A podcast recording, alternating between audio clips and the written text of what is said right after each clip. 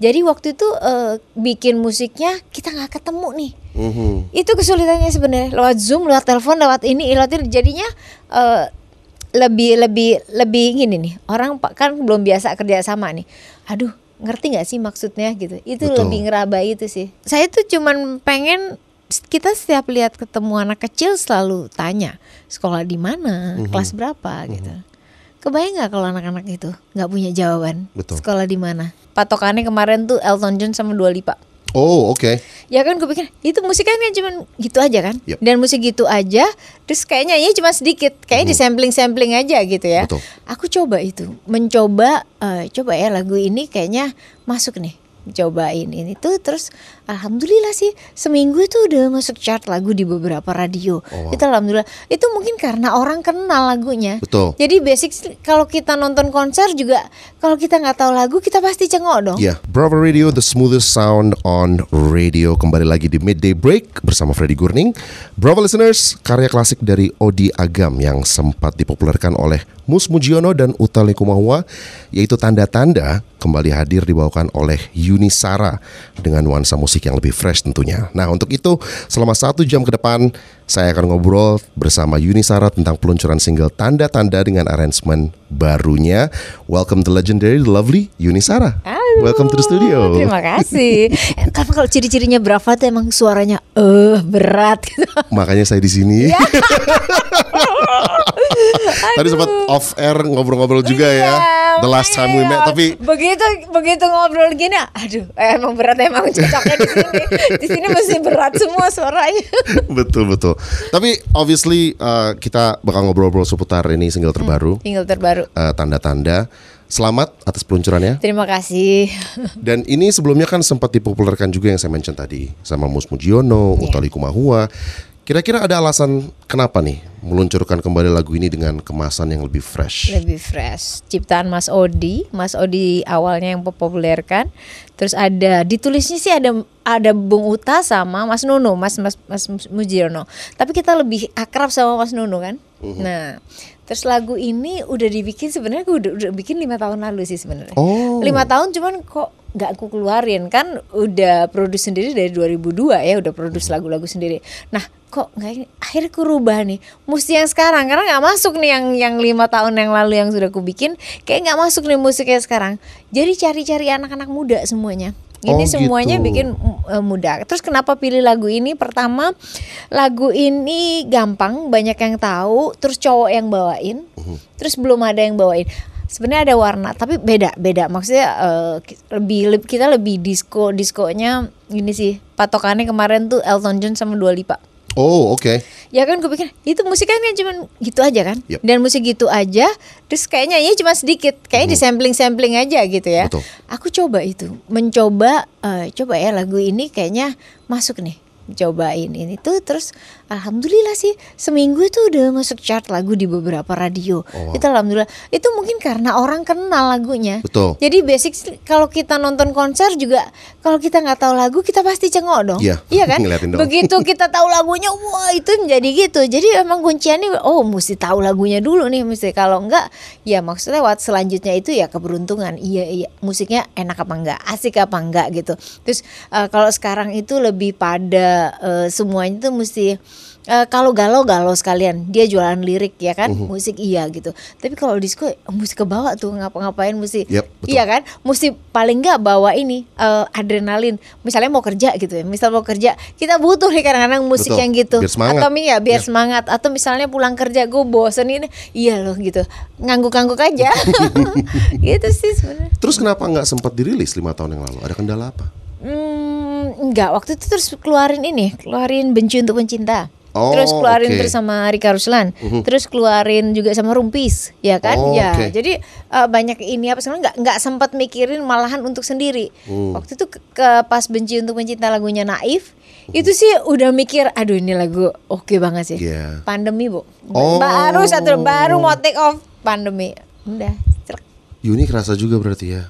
Nggak bisa nggak bisa. rilis ya. Orang kayaknya nggak nggak nggak- nggak dengerin ini, nggak dengerin boro-boro dengerin itu, kayak nonton Netflix aja ya. Betul. Stay at home aja betul. Iya. Streaming aja terus Iya, ya setiap hari. Lagi. Terus eh, yang dilakukan kan offer enggak? Streaming streaming bantuin cari itu APD. Oh iya betul. Ya waktu itu iya kegiatannya nyanyi-nyanyi tapi eh, nyanyi tidak berbayar, tidak dibayar tapi bantuin cari dana untuk cari APD waktu pandemi gitu. Oh. oke. Selama beberapa bulan gitu loh. Oke. Em, kalau ngebahas eh, single tanda-tanda ini kan arrangement baru kekinian baru, ya kan? kekinian yang bikin anak muda, video klipnya yang bikin anak SMA, SMA kelas 2, anak. Animasi ya. Iya, anak Banyuwangi itu dia bilang itu, wah ini anak-anak ini kalau aku lihat video klipnya pasti bukan aku banget deh pokoknya warna Mhm. gonjreng-gonjreng itu kan gak banget tuh biru pinknya itu. Tapi eh, Kevin Selo bilangnya ini oke kok bun ini ya udah aku mesti dengerin mereka untuk saat ini ya adaptif ibunya udah udah old school banget udah udah tua banget gitu tapi masih ada di industri ini kita mesti dengerin anak muda Betul. mesti adaptif Betul. Ini eh, ada tantangan nggak pas bikin ini? Obviously kan lima tahun lalu nggak sempat rilis, habis itu sekarang rilis. Enggak kan di bikin bikin bikin kayak sinaran tuh disco juga, Oke. disco juga. Ini juga eh, disco. Tapi yang ini karena si- single sendiri, nah kebiasaan saya tuh kalau misalnya bikin sendiri mesti nyebur langsung musiknya mau diapain, ini mesti eh, ins- eh, musiknya diisi apa aja, gitaris siapa yang ngisi ini. Jadi waktu itu eh, bikin musiknya kita nggak ketemu nih. Mhm. Itu kesulitannya sebenarnya lewat Zoom, lewat telepon, lewat ini, lewat ini jadinya eh, lebih lebih lebih gini nih. Orang pak kan belum biasa kerja sama nih.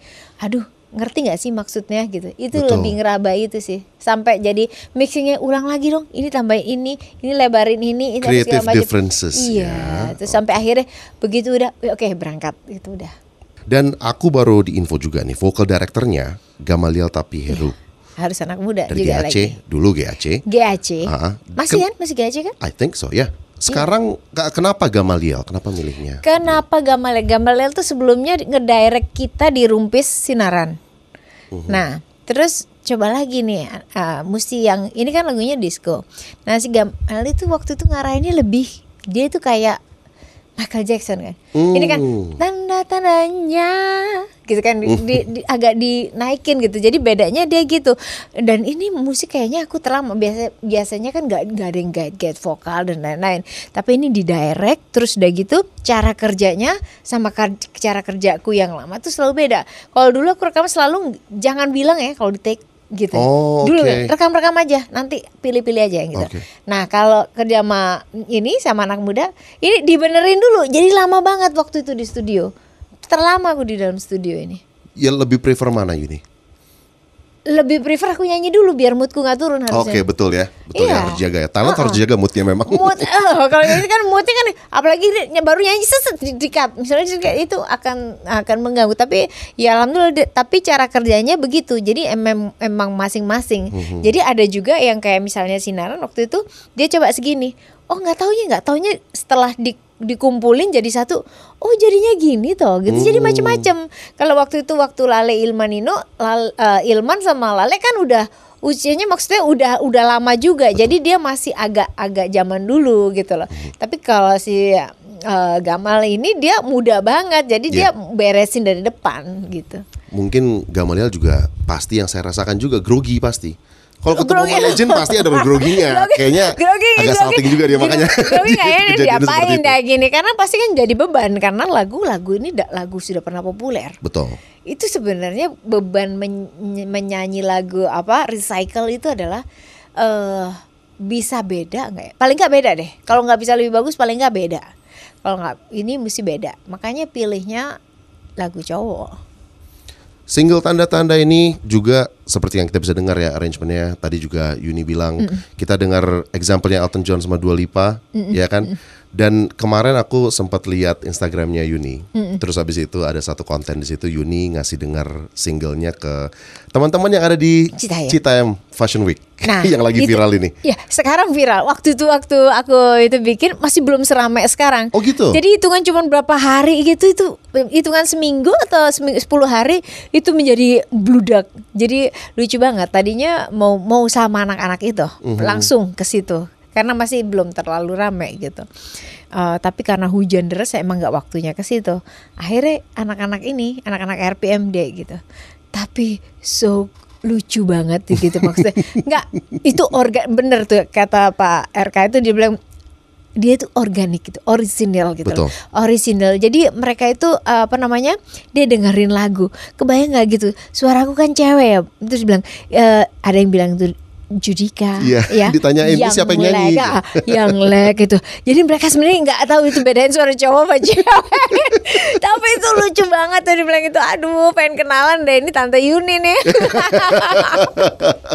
It's kind of weird ya karena Iya. aku sih karena memang ngikutin musik dari karena diajarin juga dicekokin juga sama Iya. sama papa dulu kan. Uh-uh. Jadi memang udah tau lah nama Yuni Sara gitu. Oh iya. Ngeliat yang Dan rata-rata setiap kali gitu, aduh itu lagunya mama. Iya. Gitu, "Mama," itu gitu.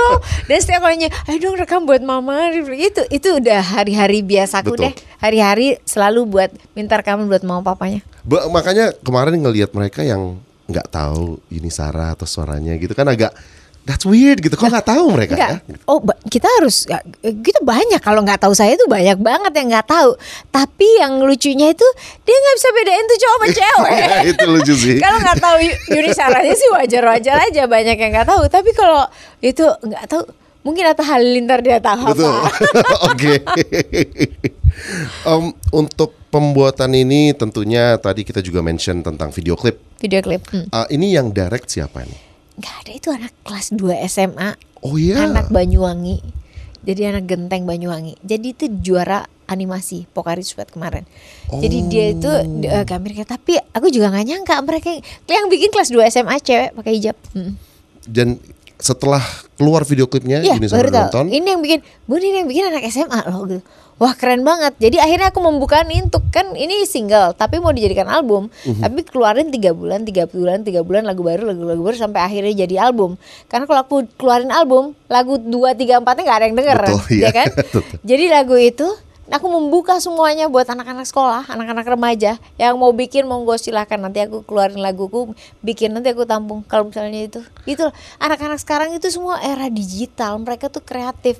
Di rumah dia bisa udah oprak-aprik itu udah udah jago-jago. Jadi Dan aku lihat-lihat juga Yuni ini memang peduli ya sama anak-anak ya. Dan sempat datang ke PAUD, eh, aku lupa namanya ya. Itu PAUD Cahaya. Cahaya Permata Abadi. Oke. Itu memang punya saya. Jadi Oh, begitu. Iya, jadi em, itu udah 11 tahun saya punya PAUD Cahaya Permata Abadi. jadi memang eh, PAUD itu adalah pendidikan anak usia dini. Jadi kalau syarat masuk SD sekarang itu adalah punya serti- sertifikat PAUD.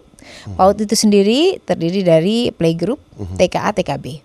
Terus kalau di saya tambah daycare. Oke. Nah, murid saya ada 160 sekarang. Jadi jadi lulusan yang eh, yang saya sudah ada yang SM, udah SMA, udah berkuliah semua. Jadi alhamdulillah ini sudah masuk ke 11 tahun saya eh, mengelola PAUD ini dari mulai ngontrak sampai punya gedung sendiri sekarang. Saya punya 15 guru sarjana PAUD terus eh, punya anak-anak yang unggulan. Jadi itu sekolah awalnya diperuntukkan untuk anak yang tidak mampu karena itu biayanya 2.500 awalnya memang rupiah. Ya terus uh, sekarang itu bertambah tapi masih tetap tuh masih di bawah 100 100 ribu per bulan tuh masih di bawah itu. Jadinya memang diperuntukkan untuk anak-anak yang yang kurang mampu walaupun pada kenyataannya anak-anaknya pejabat yang sekolah di situ dan yang mereka waktunya lulus harus SD nggak mau pindah juga gitu jadi ada beberapa anak yang memang ngebond di sekolah itu memang mau tetap sekolah situ Nempel ya. Iya, karena memang uh, proses belajar mengajar di sana adalah bermain dan belajar. Mhm. Jadi mereka nggak berasa kalau misalnya mereka lagi belajar, padahal dia ma- dia main, padahal dia lagi belajar gitu. Jadi menyenangkan sekali dan termasuk menjadi sekolah unggulan. Kita punya akreditasi sekolah itu A. Guru-guru yang menyenangkan, komunitas guru yang yang menurut saya menyenangkan. Jadi kalau ditanya eh, undangan saya itu sekarang bukan undangan-undangan hanya menyanyi, Mhm. komunitas guru, Betul. komunitas anak-anak. Terus udah gitu, saya juga dutanya PGRI. Jadinya memang memang dunia satu dunia yang nggak pernah saya bayangkan, tapi akhirnya menjadi uh, hal yang rutin atau saya saya saya malah kerjakan hal itu gitu loh. Where does this love come from? Eh, dari awalnya sih sebenarnya dari saya lagi ke Batu ke kampung saya terus saya lagi lagi mau pamitan sama anaknya guru, guru saya dia ternyata, ternyata dia punya TK Oke. Nah TK itu mau ambruk, mau ambruk. Terus dia mau aku mau tutup aja nih TK-nya. Lu jangan. Aku aku ambil ya, aku bilang aku take over. Jadi sa- saat itu juga saya cari kontrakan Oke. Mbak tolong pindahin itu sekolah itu, aku ke Jakarta. Ke Jakarta udah berikutnya terus aku datang lagi aku buat tukang beresin itu apa segala macam, beli kursi apa segala macam, jadilah sekolah itu. Oh wow. Jadi berapa ya? eh, jadi hmm, berapa ya? 11 tahun mundur deh. 11 Oh, oke. Ya, Udah lama dari ya? tahun ya udah udah lama banget. Udah dari 2000 sebenarnya 2010 apa 2000 2010-an lah kayak kalau nggak salah. Terus udah gitu eh saya tuh cuman pengen kita setiap lihat ketemu anak kecil selalu tanya sekolah di mana, Mhm. kelas berapa gitu. Kebayang nggak kalau anak-anak itu nggak punya jawaban Betul. sekolah di mana, kelas Dan berapa? itu sering terjadi memang. Nah, Ya. Di zaman yang sekarang gitu loh saya pengen anak-anak semua sekolah itu aja udah awalnya itu aja Oke. Alright. Sangat uh, refreshing ngelihat Uni peduli sama uh, perkembangan pendidikan anak-anak, apalagi yang dari tingkat paling bawah ya dari PAUD ya. Oh, PAUD itu uh, itu uh, dasar. Jadi kalau misalnya Freddy lihat bisa film-film Korea, gila banget. TK itu sumbernya su- uh, pendidikan anak usia dini. Jadi sumber basicnya anak itu kan ada di sekolah itu. Betul. Nah, kalau ditanya guru yang paling sulit ngajar kelas apa? Kelas 1 SD. Kebayang nggak jadi guru? Dia punya anak juga di rumah. Betul. Dia ngajar anak gak berani marahin dong. Gak apalagi dia mukul dong. Mhm. Sementara anaknya sendiri Iya. jadi begitu masuk ke dunia itu kita baru mengetahui oh kesulitan-kesulitan itu dari anak yang nggak bisa baca sampai baca sabarnya guru keluasan hatinya guru gitu itu baru saya dalami setelah saya berkomunikasi bergabung dengan komunitas para guru Speaking of kids, udah Hmm. sempat ngasih dengar single ini tanda-tanda ke anak-anaknya Uni? saya enggak kalau ke sana pasti pagiku cerahku matahari bersinar itu lagu yang saya dengar Jadi setiap hari itu. Setiap Kalau hari. Dulu itu nggak tahu. Jadi Iya. lagu itu diputer. Ini nggak tahu nih lagu siapa nih kok enak ya progress chordnya ya. Jadi sekolah saya di sekolah itu setiap pagi tuh harus menyanyi itu. Mhm. Ternyata ciptaan Melly Guslow. Iya. ya kan? Yes, Ternyata yep. ciptaan Melly Guslow dan setiap itu akhirnya menjadi setiap semua Semua sekolahan sekolah. menyanyi lagu Semua itu. sekolah. Oke, so uh, kita kembali lagi ngobrol-ngobrol seputar single terbaru. Eh tapi aku, ini aku mau Oh. bilang terima kasih sama Brava. Oh, Percaya nggak? Setiap aku masuk mobil itu lagu gue diputar. Oh nice, nice. Setiap mau dari bandara nggak sinaran. Karena uh, musik director kita juga keren, Mas Mumu. Iya, keren dia, memang selalu Iya. ngasih yang berkualitas. Um, single terbaru, tanda-tanda, dan Uni apa nih yang diharapkan dari peluncuran single ini? Jadi setiap saya mengeluarkan sesuatu, apa pun itu, ada. Kalau misalnya itu, uh, saya lihat dampak sih sebenarnya. Jadi kalau misalnya itu uh, dampaknya memang tidak, misalnya tidak berdampak, dibuat lagi aja. Mhm. Nah kalau misalnya saya bikin musik, saya pengen dong musik saya kedengeran di telinga banyak orang. Betul. Saya kerjanya kan off air. Mhm. Jadi gimana cara lagu itu bisa dikenal dan mereka bisa nyanyi sama-sama. Itu saya pengennya itu orang denger happy bisa jadi mood boosternya gitu loh. Gitu. Jadi eh, kalau kerjaan saya dari off air lah. Tapi maksudnya kalau bikin satu karya itu mengingat usia saya juga udah segini, udah setengah abad, terus gitu. Saya masih kerjanya di dunia ini. Kalau memang mau kerja ini, jangan gambling lagi. Bikin yang memang bener-bener yang memang eh, ya kalau bisa nggak salah lah. Kalau bisa nggak salah. Dan ini kalau ngomongin dampak udah kelihatan sih. Kalau sekarang kan di Jakarta lagi happening sebenarnya udah dari beberapa tahun yang lalu sih. Lagi happening banget nih yang bar terus ada live bandnya ya kan. Ini udah beberapa kali nih sinaran. Ya. Sinaran. Terus muncul lagi Aku lagunya. coba ini kan, ternyata. Jadi kan kita udah oh gitu ya anak. Oh sekarang gitu ya, muternya di situ ya. Mhm. Yep, yep. Iya, iya. Dan lagu Indonesia. Betul. Dan lagu Betul. Indonesia diputar, lagu Indonesia diputar. Eh, mereka semuanya ternyata, oh ya mereka suka ya. Mhm. Oh anak sekarang yang lucu lagi lagu ini dipikir lagu baru. Kalau anak-anak Iya, baru. iya. Jadi jadi kalau misalnya kita pikir begitu ya, ya alhamdulillah gue ada satu step ke satu berhasil gitu. Jangan heran Bravo listeners kalau misalnya setelah ini lagu tanda-tanda bakal muncul lagi di bar-bar dan klub-klub di Jakarta. I wish I udah sih, sama live band. udah sih di tag tag sih udah di. Aduh ini barbar mana? Nanti time I go to bar pasti aku tag. Oke. Mbak Yuni aku tag Yuni ya. Thank you. Oke, eh, terakhir mungkin bisa kasih bocoran eh, tentang apa nih karya-karya yang sedang lagi dikerjakan sama Yuni saat Oke. sekarang? Yang dilakukan kalau kalau sekarang saya muter memang sedang eh, sedang mengenalkan tanda-tandanya kalau di musik. Berikutnya saya sudah harus siap-siap lagi di eh, ini ini belum sebulan ya. Di dua bulan lagi saya harus mengeluarkan lagi karena saya memang ini proyeknya album. Oke. Jadi saya saya ngikutin Coldplay tiga bulan sekali saya keluarin. Tiga bulan sekali. Tiga bulan sekali saya keluarin itu untuk di musik. Selanjutnya itu saya masih nyanyi nyanyi off air off air untuk eh, apa namanya untuk corporate corporate untuk perusahaan-perusahaan. Terus udah gitu eh selain sebagai ibu, ibu juga saya juga masih ada kerjaan-kerjaan online online ngurusin online terus ngurusin sekolahan yang bentar lagi 17 Agustus berarti kalau 17 Agu- kalau mulai masuk Agustus itu rentetan kegiatan sekolah cukup padat. Ada upacara bendera terus ada berbagai macam lah. Itu ada kegiatan sosial anak-anak kerja bakti dan lain-lain kayak gitu-gitu. Dan ini eh, single ini ternyata karya, karya terbaru dari Yuni ini bisa di- didengarkan di mana saja nih. di semua digital platform dengar terus di Tentunya di berapa juga? Pasti. Berapa juga dong? Pasti. Harus. Terus itu ya, jangan lupa barnya. Oh iya di bar, di bar, di bar di Jakarta. Barbar, gila barbar. Dan pertanyaan terakhir, em, ini random. Oke. Kapan berikutnya kami sebagai publik bisa melihat Yuni pakai seragam SMA lagi? Gila. itu itu gila banget sih? Semua ngeliput. Itu Karena nggak ada yang bisa Gak ada, gak ada, yang- gak ada yang liput sih sebenarnya. Kan, Eh banyak banget. Media-media berita mana-mana semua. tapi itu kan gak ada pers. Oh nggak ada memang. Iya betul. Tapi itu compile-compile Iya. Kayaknya itu ituan apa namanya eh, Story-story orang kayaknya Betul, ya Di compile-compile itu Jadi eh, Jadi seragam SMA itu Itu 15 tahun yang lalu aku beli karena eh, Ngeluarin single Nostalgia SMA Oke. Ya kan? Atasannya juga ada sebenarnya. Tapi kok terlalu metetet ya? Terus Saroh Mbakku itu yang Yang masak di rumah Mhm. Dia itu udah kerja 24 tahun lah ikut aku gitu. Roh kan anaknya udah SMA juga. Roh kalau beli seragam sekolah di nang di toh? Gitu Di kan. Nang di Nang di Di pasar tuh mbak Dibilang gitu. Oh ya Dia cariin dong roh gitu cariin. Dibeliin lah di pasar dia sama kaos kaki.